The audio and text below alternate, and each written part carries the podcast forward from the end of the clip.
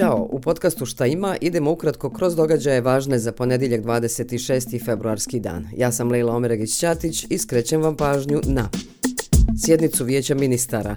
Naime, pred državnim ministrima će se danas pored ostalog naći strateški okvir za reformu sektora pravde za period 23-27 godina.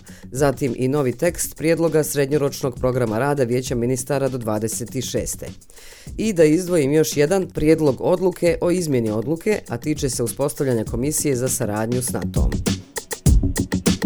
Lideri zapadno-balkanske šestorke, Albanije, Bosne i Hercegovine, Crne Gore, Kosova, Sjeverne Makedonije i Srbije okupit će se u Londonu na investicionom samitu Zapadnog Balkana 2024. Cilj samita je da istakne potencijalne investicione i poslovne mogućnosti u regionu Zapadnog Balkana i da promoviše regionalne i prekogranične projekte. A tradicionalno u dijelu interaktivne sjednice regionalni lideri će podijeliti svoju viziju regije i odgovarati na pitanja međunarodnih investitora.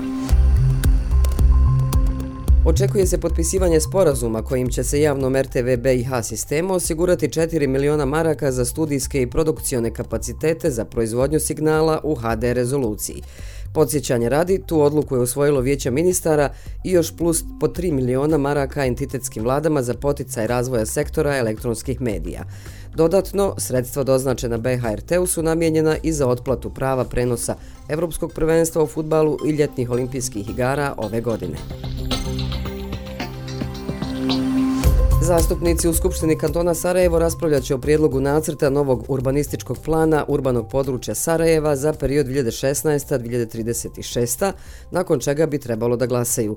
Potom bi nacrt trebalo da ide u javnu raspravu koja bi trebalo da je otvorena i za stručnjake i za zainteresovane građane. Međutim, vidjela sam na službenoj web stranici Skupštine, a na šta je u otvorenom pismu upozorila Eko BH mreža, da u naprijed napisanom zaključku ovog prijedloga piše da su učesnici u javnoj raspravi kantonalni organi uprave, jedinice lokalne samouprave te naučne i stručne ustanove.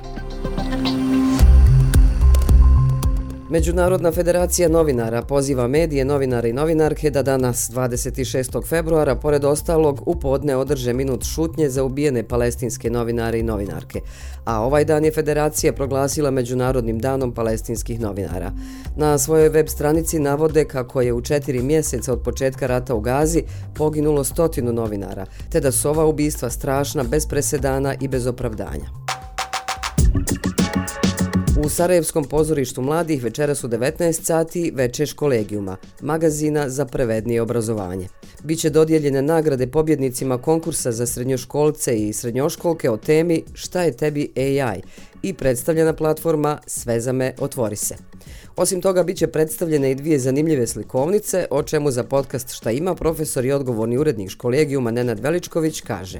Slikovnice predstavljaju početak izdavačke djelatnosti školegijuma namijenjen najmlađima, ilustrator jedne je Ivan Mrvalj, druge Enes Kurtović. Vjerujemo da će se ljudima dopasti, djeci svakako. Mi ćemo iskoristiti veče u školegijumu da predstavimo rezultate prošlogodišnjeg rada, odnosno platformu Svezame otvori se koja je namijenjena da bude podrška nastavnicima u kurikularnoj reformi u onom dijelu koji se odnosi na maternji jezik. Imamo još da pokažemo neke stvari koje radimo u Tešnju, Magleju, Dobaju i Jajcu. Nešto smo pripremili i za ljude koji prate obrazovanje u Bosni i Hercegovini, ali nemaju dovoljno informacija na engleskom jeziku. Vjerujem da će sat vremena proći brzo, a da će se završiti onim zbog čega sve to pravimo upoznavanjem i aplauzom dobitnicima, odnosno dobitnicama e, nagrada na konkursu šta je tebi vještačka inteligencija na koji su bili pozvani srednjoškolci i srednjoškolke.